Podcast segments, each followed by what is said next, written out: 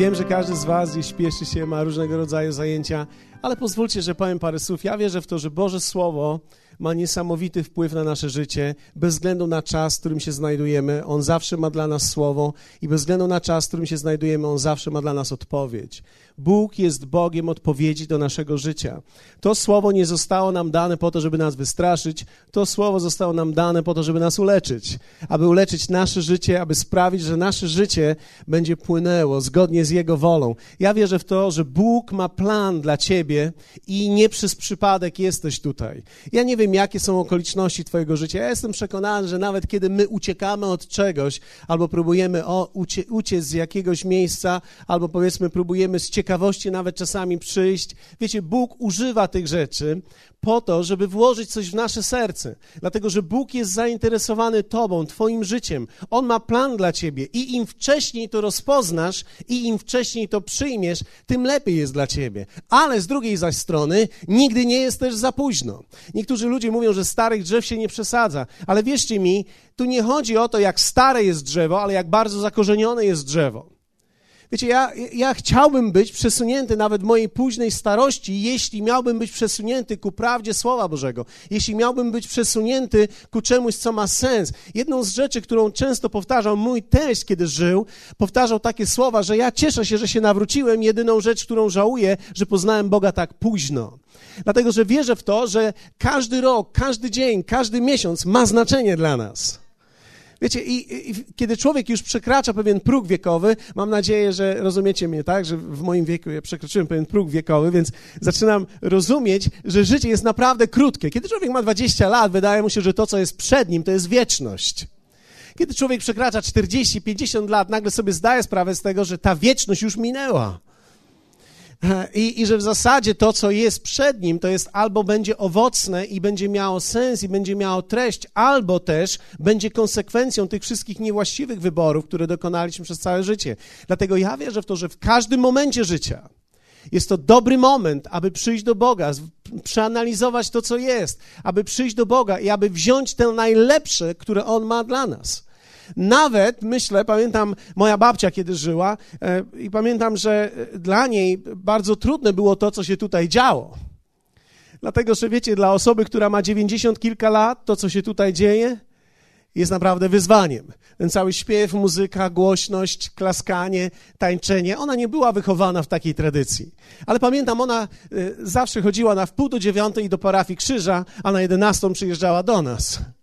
I, I to było bardzo ciekawe, ponieważ ona e, za każdym razem, kiedy pytaliśmy ją dlaczego, to ona mówiła, wiesz, jakoś tak, e, jakoś tak jak jestem z wami, to tak czuję, że żyję. I myślę, że, e, wiecie, ona również podjęła decyzję, aby Jezus był częścią jej życia. I to jest jej nadzieja na wieczność, ale to, co jest najważniejsze, to jest to, że dla niej nie było za późno, aby wykorzystać każdy moment i każdą chwilę w życiu. Bóg ma plan dla ciebie i bez względu na to, jak to dzisiaj wygląda, On chce, abyś ten plan rozpoznał, abyś go przyjął i abyś za tym podążył. Dziękuję Wam za tą falę meksykańską. Rozumiem, że mnie rozumiecie. Wiecie, dzisiaj mamy wszędzie, wszędzie są imprezy. Dlaczego nie miałbyś się trochę rozluźnić w kościele? E, wiecie, kiedy ludzie przychodzą do kościoła, jakoś się usztywniają strasznie. Ja, ja mam, kiedy ja widzę usztywnionych ludzi w kościele, e, nie mam na myśli, że musimy się rozluźnić z powodu braku szacunku do miejsca, czy braku szacunku do tego, co robimy, ale ja zwróciłem uwagę, że Bóg chce, abyśmy również byli też normalni. Tak? Abyś się troszeczkę rozluźnił, abyś, e, niekoniecznie, wiecie, to jest kwestia, że nie masz krawatu, to jesteś luźny ale, ale po prostu gdzieś w postawie naszej. Dobrze? Ktoś mi może pomagać? Tak? Okej, okay, dziękuję Wam bardzo. Dobrze. Hallelujah. Dzisiaj chciałbym podzielić się z Wami krótkim słowem na temat cierpliwości. Mam nadzieję, że to będzie. To będzie straszne. To będzie straszne. To będzie straszne. Opowiem Wam dzisiaj o wszystkich moich frustracjach, które przeżywam w życiu. O nie, moja żona mówi, oj, niedobrze. nie, kochanie, nie jesteś częścią aż wszystkich takich frustracji w moim życiu. Nie, nie jest aż tak źle. Jesteś częścią tylko kilku. Spójrzmy na list apostoła Pawła do Galacjan, piąty rozdział, werset 22-23.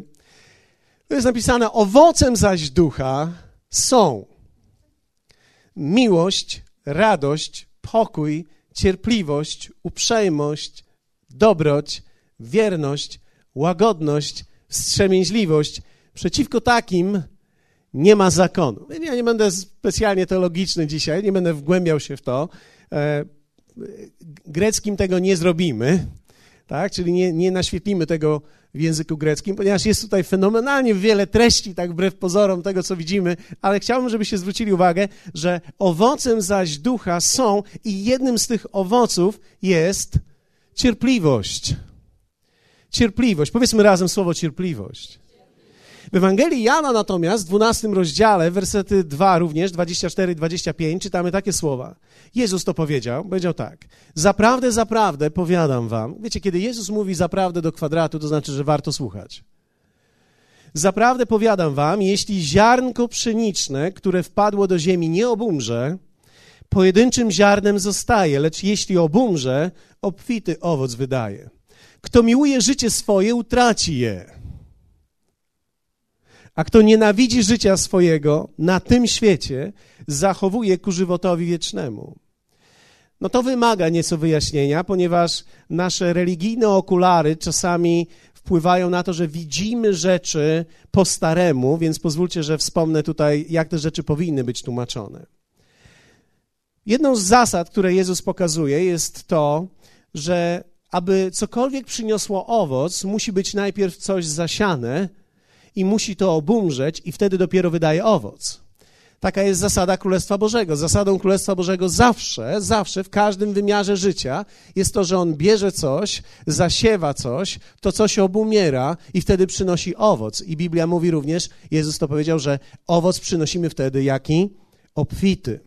I jedną z rzeczy, którą widzimy w wersecie 25, to jest to, że kto miłuje życie słowo e, swoje. W greckim tutaj mamy słowo fileo, czyli my nie miłujemy w sensie Bożym naszego życia, ale jeśli przywiążemy się do naszego życia jak do przyjaciela i z niego będziemy czerpać całe źródło naszego szczęścia, wtedy stracimy to.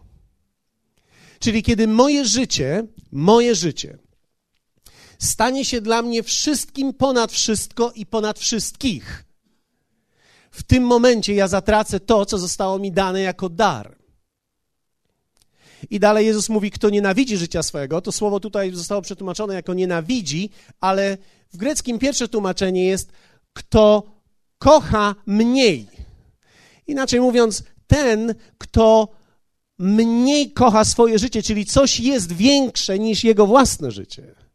Czyli to coś, za chwilę dojdziemy do tego, co to jest, kocha bardziej coś niż to swoje własne życie, wtedy je zachowa albo oddzieli do obfitego rodzaju życia. Tak? Ponieważ mamy tutaj zachowa je ku żywotowi wiecznemu, czyli zachowa to życie, utrzyma je, będzie je utrzymywał do miejsca, aż dojdzie do obfitego rodzaju życia. Więc teraz Jezus nigdy nie mówił, abyśmy naszego życia nienawidzili, ponieważ jeśli tak by było, samobójstwo miałoby sens, lub też złe życie miałoby sens. Jezus nigdy nie chciał, abyśmy go nienawidzili, zwłaszcza, że życie jest darem, tak? Mówimy o, o poczętych dzieciach i my walczymy o to, żeby dzieci były urodzone, ponieważ życie jest darem. Więc jeśli życie jest darem, nie można go nienawidzieć.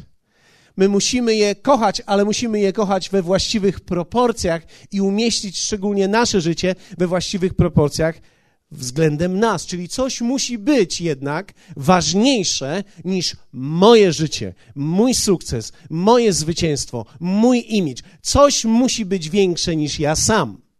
Dlatego, że moje życie jest odbiciem mnie, więc coś musi być większe w moim życiu niż ja sam. Myślę, że cierpliwość tak naprawdę jest możliwa tylko w chrześcijaństwie. Ja czasami mogę powiedzieć do ludzi, którzy nie są wierzący albo się deklarują jako niewierzący. Mówię tak, cierpliwość ciebie nie dotyczy, ponieważ ty nie masz czasu na nic. Ty musisz wyrwać wszystko szybko i dla ciebie wszystko idzie za wolno, ponieważ ty masz tylko parę lat i później jest już koniec.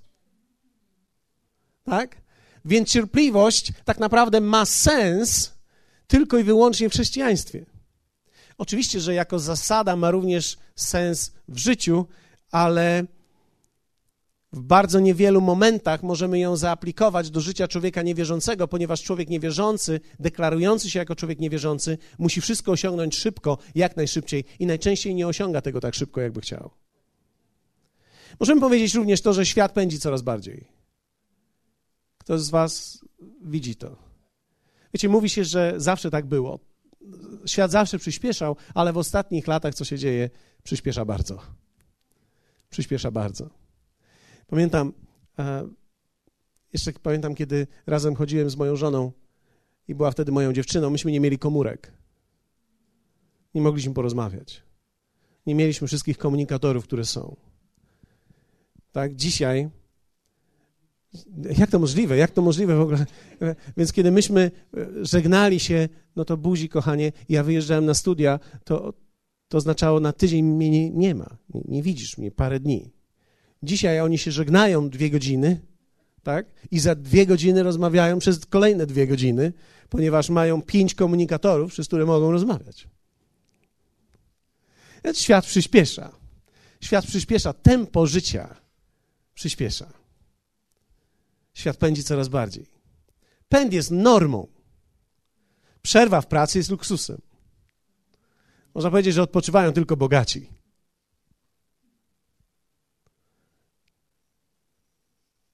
Nie jest tak? Nie jest tak? Świat pędzi coraz bardziej. Kiedy pytamy kogoś, co u ciebie słychać? A jestem zajęty, zapracowany i nie mam czasu o tym rozmawiać. jestem zajęty, zapracowany i nie mam czasu o tym rozmawiać. Jestem zajęty, zapracowany. I, I można byłoby się zastanowić, gdyby Twoje życie miało 26 godzin w ciągu doby, czy byłbyś mniej zapracowany, czy byś te dwie godziny zarezerwował dla, dla czegoś, co naprawdę kochasz. I okazuje się, że nie, bo pęd życia prawdopodobnie zagospodarowałby te dwie godziny również. Więc to, to nie jest kwestia czasu, to jest kwestia myślenia mentalności, sposobu życia. Wiecie, każdy człowiek ma marzenia i plany. Każdy. No, może powiem tak. Może przesadzam mówiąc każdy, bo znalazłem takich ludzi, którzy zrezygnowali ze swoich marzeń, nie mają już planów, ponieważ widzą, że życie jakby nie układa się w żadną stronę. Ale to są pewne przypadki, które również są uleczalne.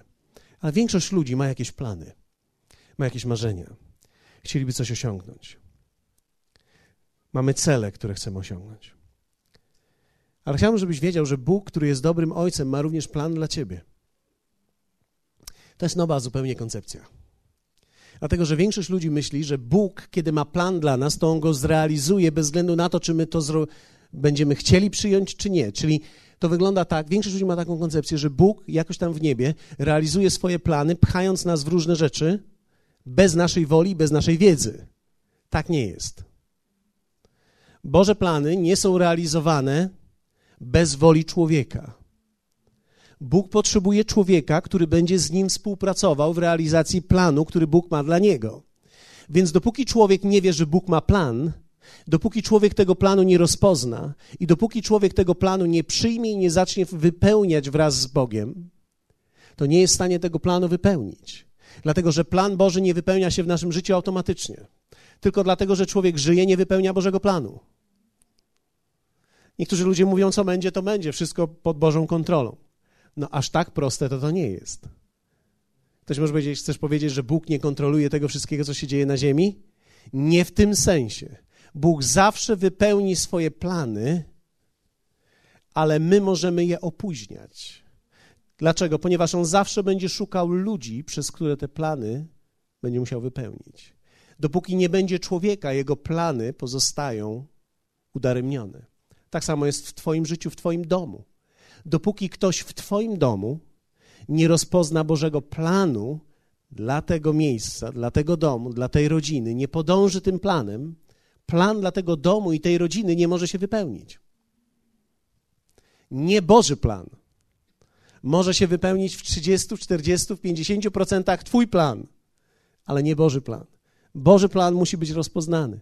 Boży plan mu, musi mieć odpowiedź, tak chcę za tym pójść, bo inaczej się nie wypełni. Czym zatem jest cierpliwość? Czy jest to po prostu pogodzenie się z losem i prawami Marfiego? niektórzy uważają, że te prawa są bardziej skuteczne niż wszystkie inne, tak? Więc jeśli coś ma się popsuć, prawdopodobnie się popsuje. Jeśli coś ma pójść źle, to prawdopodobnie pójdzie. I tak dalej, i tak dalej, i tak dalej. Czyli jeśli coś ma się odwlec, to się będzie odwlekało dużo, dużo więcej niż ty planujesz, że ma się odwlec.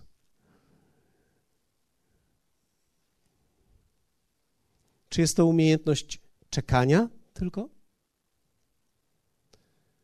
Spójrzmy na to, ponieważ ja wierzę w to, że jeśli rozpoznamy, czym ona jest na podstawie tego, jak cierpliwość powstaje w chrześcijaństwie, zobaczycie, że możemy przynieść wszyscy owoc w postaci cierpliwości.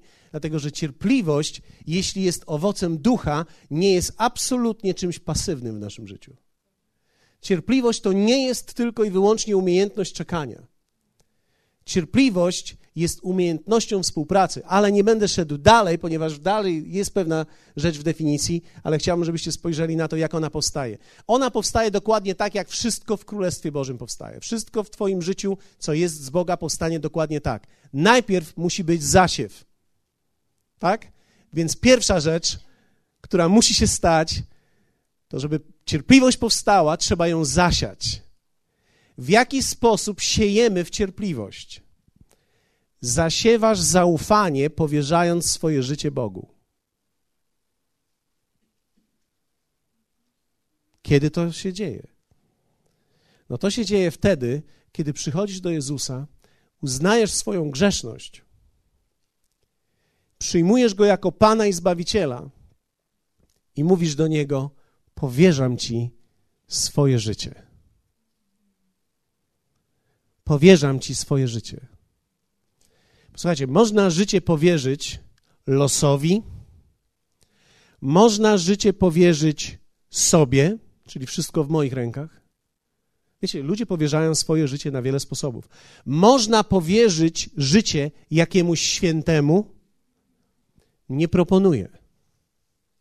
Nie proponuję. Dlatego, że jedynym, który może ci naprawdę w życiu pomóc, jest ten, który przeszedł przez życie i zwyciężył i żyje dzisiaj, to jest Jezus Chrystus. W momencie, kiedy poddajesz Jemu swoje życie, Jemu poddajesz swoje życie, Twoje życie nie jest już wtedy tylko Twoje, ono jest również Jego. I to zmienia wszystko. To zmienia wszystko. Kiedy przyszedłeś do Niego, i ja wierzę w to, że być może był taki dzień, lub też może być dzisiaj taki dzień w życiu niektórych z nas, że poddajesz Jemu całe swoje życie. To w tym momencie On staje się nie tylko Twoim Zbawicielem, ale staje się również Twoim Panem. Powiedzmy razem to słowo Panem. W greckim to słowo Pan to jest słowo kurios, które oznacza najwyższy władca, więc teraz On staje się najwyższym władcą mojego życia. I, wiecie, ja spotkałem takich ludzi, którzy mówią, tak, rzeczywiście Bóg jest tym, który włada nad moim życiem. I wtedy ja zadaję im pytanie, jak wiele instrukcji w takim razie w Twoim życiu jest z tego słowa? Oni w ogóle tego nie kojarzą, ponieważ, wiecie, powierzając życie Bogu, powierzają jakiejś boskiej postaci, ale nigdy nie poddają tego prawdziwej osobie, która ma uczucia i która się również wyraża. I wyraziła się w ten sposób. To jest wyrażenie się naszego Pana. Słowo Boże wyraziło się, Bóg wyraził siebie przez Słowo, więc kiedy teraz On jest moim Panem, tym kurios, najwyższym władcą, to oznacza, że to Słowo nagle ma dla mnie znaczenie. Posłuchajcie mnie, w Polsce musimy słuchać tego wielokrotnie, ponieważ my byliśmy straszeni tym słowem, że przez przypadek trafisz do jakiejś niebezpiecznej sekty z powodu tego słowa. I wiecie, fakty jednak są takie, że w ten sposób można utrzymać miliony ludzi w niewiedzy, co to słowo w ogóle ma dla nich, bo tu nie chodzi o kościoły, o religię, o denominację, tu chodzi o nasze życie. Tu chodzi o Twoje życie. Bóg ma plan dla Ciebie i ponieważ On ma plan dla Ciebie, On umieścił ten plan w swoim słowie i jeśli Ciebie zatrzyma ktoś przed poznaniem tego słowa, zatrzyma Cię przed poznaniem Jego planu względem Ciebie i nie będziesz wiedział, co masz robić, jak masz żyć i w jaki sposób masz funkcjonować. Będziesz znał tylko i wyłącznie może kilka przykazań, które będą grały na Tobie w postaci potępienia, ale nigdy nie będziesz miał instrumentów ani narzędzi, aby to wszystko, co w tobie jest słabe, pokonać i wypełnić plan Boży, który Bóg ma dla ciebie. Dlatego, kiedy przychodzisz do Niego i powierzasz Mu swoje życie, On staje się Panem. On staje się Panem Twojego życia. Twoje życie już nie jest tylko Twoje. Ty siejesz w ten sposób, zasiewasz swoje zaufanie. Każdy w taki sposób jest zbawiany. Wcześniej byłeś panem siebie. Teraz masz nowego pana. Jak wielu z Was rozumie, że to jest duży przeskok? Wcześniej ja decydowałem, gdzie pójdę do pracy, to zrobię, za kogo wyjdę za mąż albo z kim się ożenię, co będę robił. Teraz, ponieważ moje życie nie jest już tylko moje, ja jemu zadaję pytanie, co on chce ode mnie. I wsłuchuję się w to, co on do mnie mówi, żeby mógł mnie poprowadzić zgodnie ze swoim planem. Widzisz, niektórzy ludzie nie chcą podążyć za Bożym planem, ponieważ myślą, że musieliby skończyć w zakonie. Ale fakt jest jednak taki, Bóg ma plan dla każdego człowieka, plan najlepszy dla nas. Kiedy Bóg zaplanował Twoje życie, i ja mam na myśli nie jak marionetkę, ale rozwijający się plan, kiedy On zaplanował Twoje życie, to w nim były najlepsze rzeczy. I niekiedy mogłeś trafić nieświadomie na pewne rzeczy, ale później ten plan wymaga poznania i rozpoznania i podążenia i Twojej woli. I to wszystko jest w słowie. On staje się nagle Panem. On nagle mówi Ci, co masz zrobić. On nagle wybiera miejsce dla Ciebie. Wiecie, nawet Kościół nie wybieramy sami.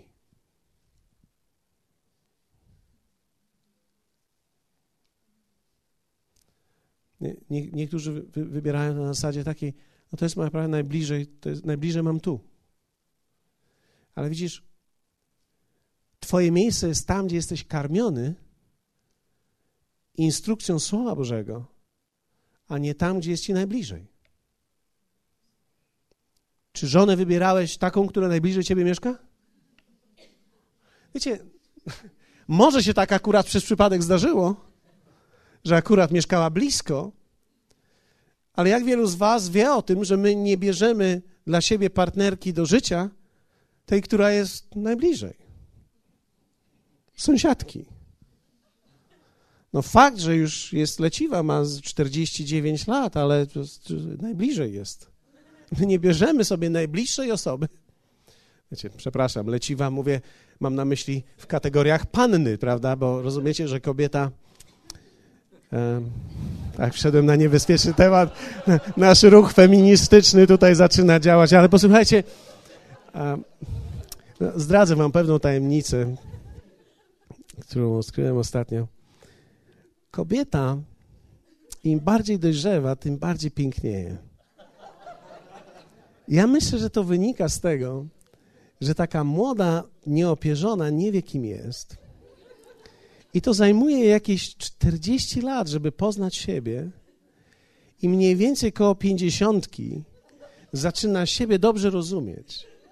I dokładnie już wtedy wie wszystko o sobie i wtedy jest najpiękniejsza. I tak to trwa gdzieś do osiemdziesiątki.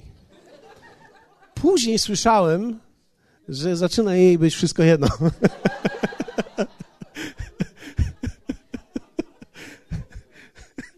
Ale pamiętam, pamiętam, a nie będę wchodził w to. Wiecie, to ja wiem, że to, to są wszystko tematy, o którym ludzie chcą słuchać, prawda? Mówię Słowo Boże, że powiedz coś o kobietach, wszyscy są...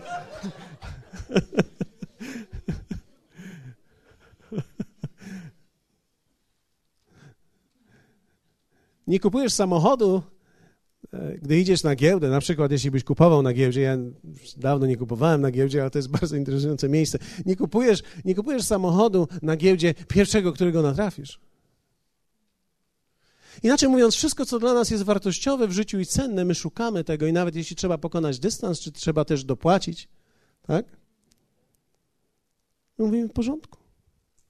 Nie ma problemu, jeśli to jest warte, to jest warte. Mój syn znalazł dziewczynę 40 kilometrów od Koszalina. Ja mówię, nie, nie mogłeś znaleźć jakiejś bliżej? Ty wiesz, ile to mnie teraz kosztuje, żebyś ty tam jeździł w jedną i w drugą stronę? Ale oczywiście w czwartek mówiłem, że to przywilej życia, tak? Więc muszę się teraz tego trzymać. To jest przywilej życia, kiedy możemy płacić za nasze dzieci. Wiecie, zawsze mogło być gorzej. Mogłoby mieć 600 kilometrów. Mogło być gorzej. Ale, ale to tak jest. Dlaczego nie, nie weźmiesz kogoś, kto siedzi obok ciebie? Dlaczego nie, nie, nie weźmiesz kogoś, kto, kto blisko jest? No, tak nie, wszystko, co w życiu jest cenne dla, dla nas, my wybieramy bardzo szczególnie i płacimy cenę za to. I nie boimy się tego. Więc nawet w sytuacji kościoła, co dla ludzi jest bardzo trudne czasami, my powinniśmy zadać pytanie Jemu, gdzie jest nasze miejsce. Ja czasami mówię, jeśli to miejsce nie karmi Twojego ducha, jeśli Ty nie karmisz się tutaj, a jest ktoś lub miejsce, w którym Ty się karmisz najbardziej, powinieneś tam pójść. I to nie będzie dla mnie przykre. To będzie dla mnie wielki przywilej, że mogę uczestniczyć w życiu kogoś, kto poważnie traktuje swoje życie duchowe. Dlatego, że najgorsza rzecz to jest przyjść do miejsca, w którym się człowiek męczy i niczego nie bierze z tego. Dziękuję Wam za ten aplauz wielki, tak rozumiem. Zasieb, więc my siejemy. W ten sposób siejemy nasze zaufanie. Czy ktoś z Was zrobił to w swoim życiu i podaje swoje życie Bogu? To teraz popatrzcie. Kolejna rzecz, która jest, to jest umieranie. Nie śmierć fizyczna, umieranie. Dlatego, że wszystko w życiu idzie za wolno. Ludzie zmieniają się za wolno. Współmałżonek, małżonka zmieniają się. Zmieniają się, ale wolno, za wol, wolno, tak? Wolno się zmieniają. Rzeczywistość wokół nas zmienia się wolno. Mimo, że życie ma wielki pęd i dokonują się wielkie zmiany, te zmiany, na które my czekamy, często są za wolne. Moje marzenia, moje plany, potencjał wygląda, że się marnuje. Czy ktoś z Was miał kiedyś takie myśli, że masz pewne plany, masz pewien potencjał w sobie, chciałbyś coś zrobić i to jakoś tak wolno idzie? Dlatego, że jeśli poddałeś swoje życie Bogu, to On obligatoryjnie bierze Twoje życie i zakopuje je pod ziemią. Mój pastor mówił często w ten sposób: Zanim Bóg Cię pokaże, najpierw Cię ukryje. Bo gdyby Cię pokazał, zanim Cię uformuje, objawisz się ludziom nie taki, jaki powinieneś być. Więc On ukrywa nas i zakopuje nas pod ziemią, gdzie jest ciemno, gdzie jest trudno, gdzie jest wolno i w pewnym sensie nic nie idzie po naszemu. Nic. Nic. A rzeczy, które idą czasami, to są rzeczy, które nie przynoszą nam aż tak wielkiej radości. Ale to, co jest dla nas naprawdę istotne, coś, co nawet wiemy, że jest Jego planem, jakoś się nie wypełnia tak szybko, jakbyśmy chcieli. Widzisz, poddałeś swoje życie Bogu i On przyjął to i tą deklarację w bardzo poważny sposób. On powiedział: Dobrze, teraz to będzie moje. Więc teraz kolejną rzecz, którą ja mam na myśli, to jest chcę, żebyś ty przyniósł wielki owoc i aby, abyś mógł przynieść wielki owoc, ja ciebie zakopię. W środowisku, w miejscu, w którym będziesz musiał umrzeć. Umierać dla siebie, dla swoich własnych marzeń, dla swoich własnych celów. Nie dlatego, że ja ich nie mam dla ciebie. Ja je w dalszym ciągu mam dla ciebie, ale ty musisz dla nich umrzeć. I wtedy, kiedy jest ciemno, wtedy, kiedy się nic nie dzieje, kiedy czujemy co innego, bo wiecie, kiedy człowiek podaje po raz pierwszy swoje życie Bogu, to jest dla niego ulga. Bo coś zrobiłem źle, moje życie nie szło w tą stronę właściwą, coś się stało, Jezus przyszedł, uratował mnie, poddaję mu moje życie, to jest dla mnie ulga. Ale kiedy człowiek podejmuje kolejną decyzję, gdy jest ciemno, to już nie jest ulga. W tym jest jeszcze więcej cierpienia, tego poddania, tego zaufania. Zaufania nie, że On mnie już tylko uratuje, ale że On naprawdę mnie poprowadzi, że naprawdę wypełni ten plan. I to jest zupełnie nowy rodzaj zaufania, o wiele głębszy rodzaj zaufania zaufanie na zupełnie nowym poziomie, że On wziął moje życie i On je naprawdę poprowadzi. Jak wielu z Was wie o tym, że kiedy jest ciemno, człowiek podejmuje decyzję inaczej. Kiedy się nic nie dzieje, człowiek podejmuje decyzję na innym poziomie, w innej jakości. Kiedy jest trudno, podejmujemy decyzję w inny sposób. Wiecie, kiedy człowiek jest zakochany, i ma podjąć decyzję: tak, ty będziesz moją żoną, będzie wspaniale. A oczywiście, że tak. Wszystko we mnie mówi tak. Ale kiedy sytuacje są trudne i kiedy jest ciężko, i kiedy człowiek ma wtedy podjąć decyzję: tak, to jest moja żona. Ja mówiłem, że cię nigdy nie zostawię i cię nigdy nie opuszczę. Tak, chcę tego. Chcę mimo że jest to trudne w tym momencie. To, co robisz, nie podoba mi się. Jest mi ciężko, ponieważ mnie ranisz. Wiecie, kiedy człowiek się spotyka ze swoją narzeczoną, nie ma żadnej historii. Kiedy to jest moja żona przez kilka, kilkanaście, kilkadziesiąt lat, tak jak w naszym wypadku. Chyba jesteśmy razem ile? 57? Kilkadziesiąt lat w każdym razie. Kilkadziesiąt lat i podejmujesz decyzje, te decyzje są już inne, mają inną jakość, mają zupełnie nowy poziom. Na tym poziomie podejmuje się te decyzje inaczej. One są głębsze, ale również są o wiele mocniejsze. I kiedy podejmujemy, gdy jest ciemno, gdy jest trudno, właściwe decyzje, wtedy coś się dzieje. Wtedy nagle podejmujemy te decyzje już nie ze względu na nas ale ze względu na Niego, ze względu na drugiego człowieka, ze względu na innych ludzi, nagle mówimy, już nie o mnie tu chodzi. Wiecie, kiedy ja mówiłem mojej żonie tak na ślubnym kobiercu, ja miałem zero zrozumienia, co ja będę musiał jej dać, a miałem 100% zrozumienia, co od niej dostanę. Ja, ja powiedziałbym wszystko, żeby tylko być z nią.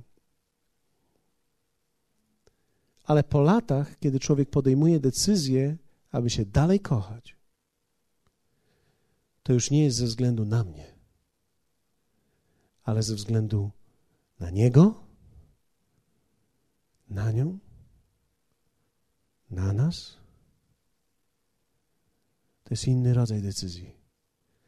Ktoś może zadać pytanie, a co się stało teraz z tobą?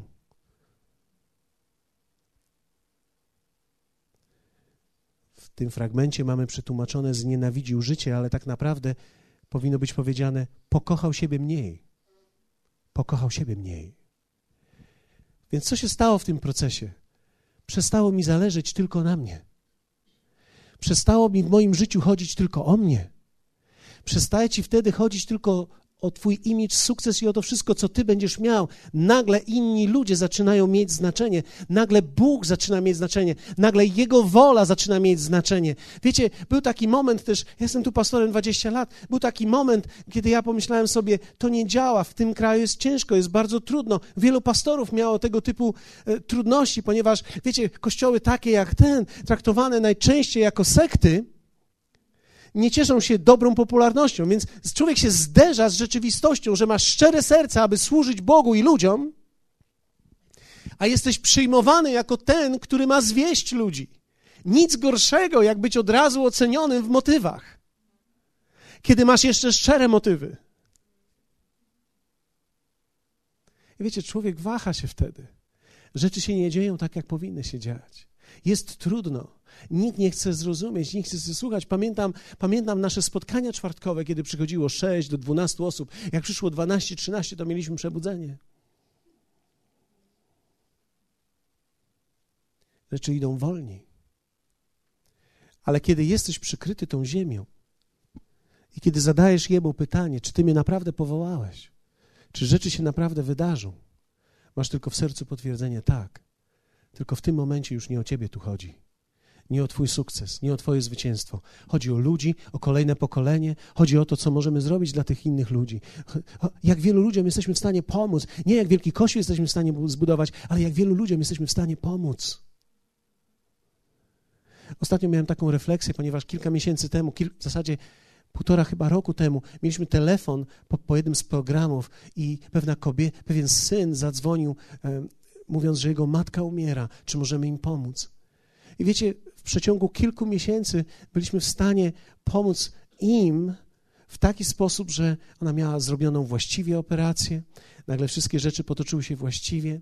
Byliśmy w stanie w kilka innych społeczności pomóc im finansowo, żeby mogli stanąć jakoś na nogi i zrobić coś. Wiecie, ci ludzie podziękowali nam, powiedzieli dziękujemy i nigdy tutaj nie przyszli. Nigdy nie stali się tego częścią. I któregoś dnia tak jechałem sobie i myślę, o, jakaż to jest strata, pomagamy tak wielu ludziom, a oni mówią po prostu dziękuję i zostawiają nam da, nas dalej w tej podróży samych. I wtedy zrozumiałem, że tu nie chodzi o nas. Że tu nie chodzi o to, czy ci ludzie tu będą, czy nie, ale czy jesteśmy w stanie im pomóc i czy chcemy im pomóc. Więc w pewnym sensie ten motyw zaczyna się zmieniać, i po latach zaczynasz podejmować inny rodzaj decyzji, ze względu na inne rzeczy podejmujesz te decyzje, czyli jest to proces umierania umierasz dla siebie. I to może nie jest miłe, ale przyniesie wielki owoc. Dlatego, że trzecia rzecz, zaczynasz przynosić owoc. Zaczynasz wydawać owoc. Zaczynasz widzieć, jak Bóg dokonuje tego, co obiecał. Pamiętam, jak któregoś dnia mój pastor powiedział do mnie: Jeśli nie pokochasz tych dwunastu i tych dwudziestu, którzy przychodzą, jeśli będziesz nimi gardził, Bóg nigdy nie da ci kolejnych pięciu.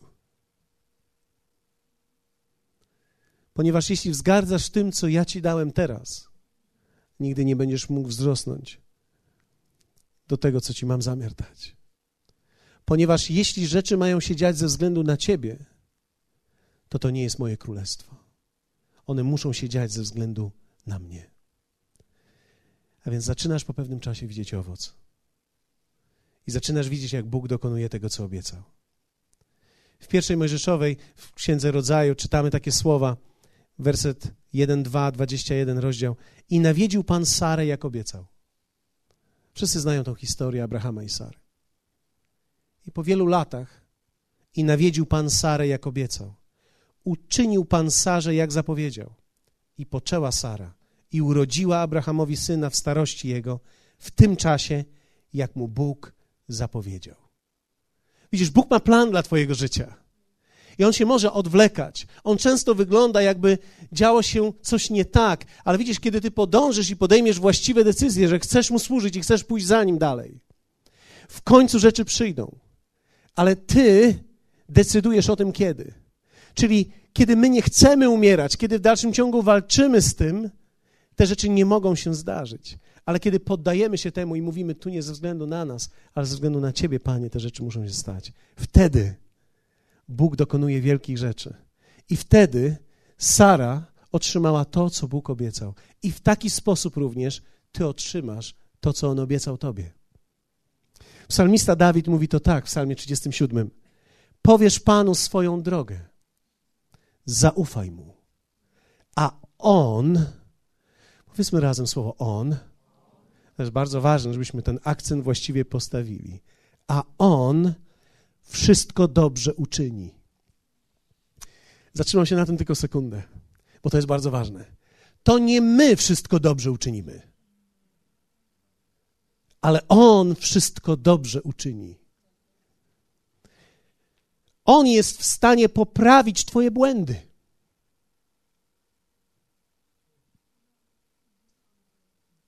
On jest w stanie podciągnąć ułomność Twoją. Ty wszystkiego dobrze nie uczynisz, taki się jeszcze człowiek nie urodził. Nikt z nas jeszcze nie jest doskonały w tym sensie. Ale On wszystko dobrze uczyni. Więc wiecie co? W momencie, kiedy poddaliśmy nasze życie Bogu, a On wszystko dobrze uczyni, Ty i ja jesteśmy bezpieczni w Jego dłoni. Jeśli tylko podejmiemy właściwe decyzje. Jeśli w procesie tego umierania podtrzymamy tą pierwotną decyzję, że poddaliśmy Jemu nasze życie, zasialiśmy wtedy nasze zaufanie. I kiedy jest ciemno, w dalszym ciągu Jemu ufamy. I kiedy w dalszym ciągu Jemu ufamy, kiedy jest ciemno, z tego, co jest dla nas trudne, On wyciągnie dobro i użyje to i powstanie owoc. I to jest dokładnie ta trzecia rzecz. Wydajesz owoc. Dlatego Dawid mówi: Powiesz Panu drogę swoją, zaufaj mu, a on, on wszystko dobrze uczyni. Czego pragniesz? Czego pragniesz w swoim życiu? Co jest Twoim marzeniem, co jest planem? Czy to jest coś, co rozpoznałeś od Niego? Jeśli tak, to możesz powierzyć Mu swoją drogę, ponieważ On wszystko dobrze uczyni. On będzie z Tobą na samym początku, kiedy będziesz radosny i pełen ignorancji, i On będzie z Tobą, kiedy będziesz dojrzewał w poznaniu i troszkę bardziej smutny i roztargniony i z, z, jakiś, jakiś wymęczony tą sytuacją. On będzie z tobą w tym. I w momencie, kiedy w tym miejscu podejmiesz dalej właściwą decyzję, owoc popłynie. Bo ten owoc zdradza się ze śmierci dla siebie. I to przyniesie owoc w każdej sytuacji, w każdej dziedzinie w Królestwie Bożym. Powstańmy razem. Chciałbym modlić się teraz. Posłuchajcie. Cierpliwość to nie jest pasywność, ani to nie jest rezygnacja z tego, co on obiecał, ale to jest absolutnie pełne zaufanie, że to, co on powiedział, tego też dokona. Jezus powiedział takie słowa. Złodziej przychodzi tylko po to, by kraść, zabijać i wytracać. I on mówił to o diable, który przychodzi, aby niszczyć nasze życie. I powiedział wtedy Jezus o sobie: Lecz ja przyszedłem, aby moje owce miały życie i to życie obfite. To obfite życie nie rodzi się od razu.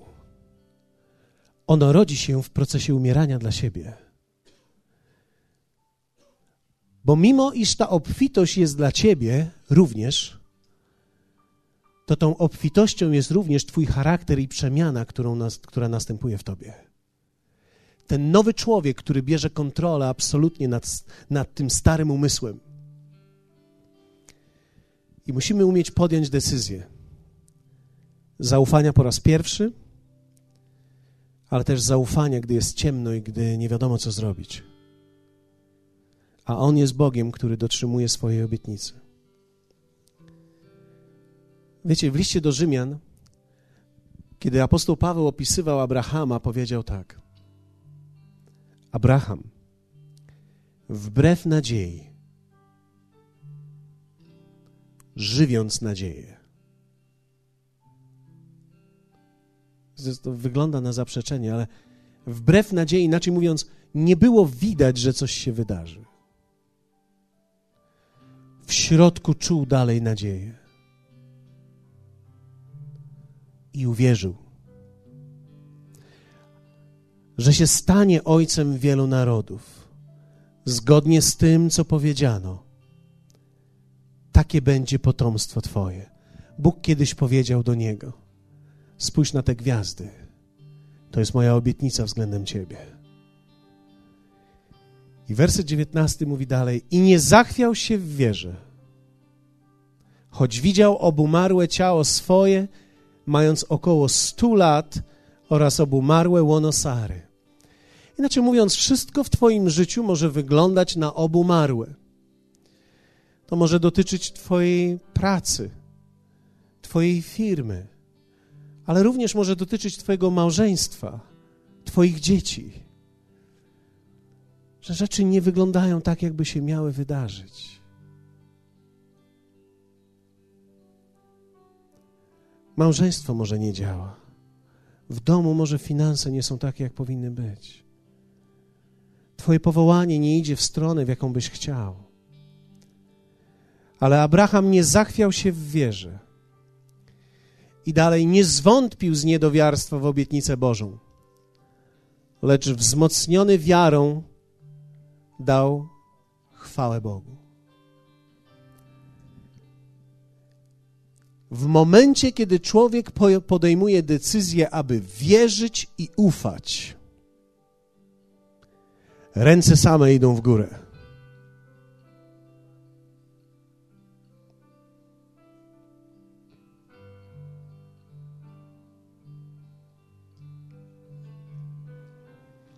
I nie zwątpił z niedowiarstwa w obietnicę, lecz wzmocniony wiarą dał chwałę Bogu, mając zupełną pewność, że cokolwiek on obiecał, ma moc i uczynić. Są bardzo ważne słowa, bo te słowa mówią również, że cokolwiek Bóg obiecał, to On ma moc to uczynić. On doprowadzi to do końca. On zwycięży w tym. On wypełni swoje słowo. On dokończy tego, co obiecał. On sprawi, że cokolwiek zostało wypowiedziane nad Twoim życiem, wypełni się. Ale Ty musisz podjąć decyzję, że zaufasz Jemu. I chciałbym dzisiaj, na koniec tego spotkania, zadać Ci pytanie. Jest tylko dwie kategorie ludzi tutaj w tym miejscu. Ci, którzy jeszcze Jemu nie zaufali i nie poddali Mu całego swojego życia. I ci, którzy są w procesie umierania i w dalszym ciągu chcą podjąć decyzję, aby Jemu zaufać i poddać dalej swoje życie. To są dwie różne decyzje, dotyczą cały czas tego samego życia, ale podejmowane są w zupełnie innych warunkach. I chciałbym zadać Tobie pytanie. Jeśli jesteś w tym miejscu, czy chciałbyś Jemu zaufać? Dzisiejszego dnia podejmujesz decyzję w swoim sercu i wiesz, że to słowo, które dzisiaj słyszałeś, to nie był przypadek i rozpoznajesz, że nie jesteś tutaj przez jakiś ludzki przypadek, nawet jeśli to tak wygląda z zewnątrz. Ja jestem przekonany, że Bóg przyprowadził Ciebie tutaj do tego miejsca i że On pozwolił Ci to wszystko usłyszeć i wierzę w to, że On dał Ci również wiarę w Twoim sercu, kiedy słyszałeś to. Więc dzisiaj również możesz podjąć tą decyzję i powiedzieć: Tak, Panie, zaufam Tobie w mojej sytuacji, w której jestem. Więc teraz chciałbym, abyście na chwilę zamknęli swoje oczy, aby ta decyzja, którą podejmujesz, była decyzją pomiędzy Tobą a Bogiem. I pozwól, że zadam Ci pytanie, jeśli jesteś w tym miejscu i chciałbyś poddać Mu jakiś obszar swojego życia, w którym w tym momencie jest Ci trudno, albo jeśli chciałbyś Mu poddać całe swoje życie i rozpocząć przez zaufanie zupełnie nowy rodzaj życia z zupełnie nowym Panem, to to jest ten moment. I chciałbym zaprosić Cię do tego. To jest największa rzecz, jaką człowiek może dokonać w swoim życiu. Największa decyzja, nawet większa od tego, kogo poślubię, to jest, kto będzie moim Panem. I jeśli chciałbyś podjąć taką decyzję dzisiaj, ja nie chcę Ciebie zawstydzać, ale chciałbym wiedzieć, że są osoby wśród nas, które podejmują takie decyzje.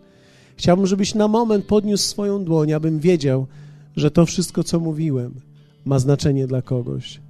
Jeśli podejmujesz taką decyzję w jakimś obszarze swojego życia, podnieś swoją dłoń. Chciałbym widzieć to. Dziękuję bardzo. Dziękuję Wam. Dziękuję. Dziękuję. Dziękuję. Jeśli podjąłeś tą decyzję po raz pierwszy, taki sposób, w takich warunkach, ale również z taką jakością, czy mógłbyś podnieść swoją dłoń jeszcze raz, abym wiedział? Okej. Okay. Dziękuję. Chciałbym zatem modlić się tą modlitwą, która zmienia wszystko w życiu. Jezus Chrystus chce stać się Twoim Panem. On chce być Panem Twojego życia. I chciałbym, żebyś modlił się teraz razem ze mną. Będę modlił się modlitwą i proszę Cię, abyś powtarzał za mną. Mam nadzieję, że włożysz całe serce również w modlitwę, która może nie wypływa bezpośrednio w tym momencie z Twojego umysłu, ale wierzę w to, że ona popłynie również z Twojego serca. Powiedzmy to razem do Niego. Ojcze, przychodzę dzisiaj do Ciebie. Słyszałem słowo o cierpliwości i zaufaniu. Pragnę przynieść ten owoc cierpliwości. I wiem, że muszę rozpocząć od tego miejsca. Dlatego w tym momencie chciałbym Ci poddać całe moje życie. Siebie samego, moje małżeństwo, moją rodzinę, moje dzieci, moją firmę, moją pracę, moją szkołę. Poddaję to Tobie i ogłaszam Ciebie. Proszę Was, zróbcie to zdecydowanie. Powiedz to tak, jakbyś myślał, że to tak naprawdę jest. I ogłaszam Ciebie Panem nad tym wszystkim. Ty jesteś Panem nad moim życiem. Hallelujah.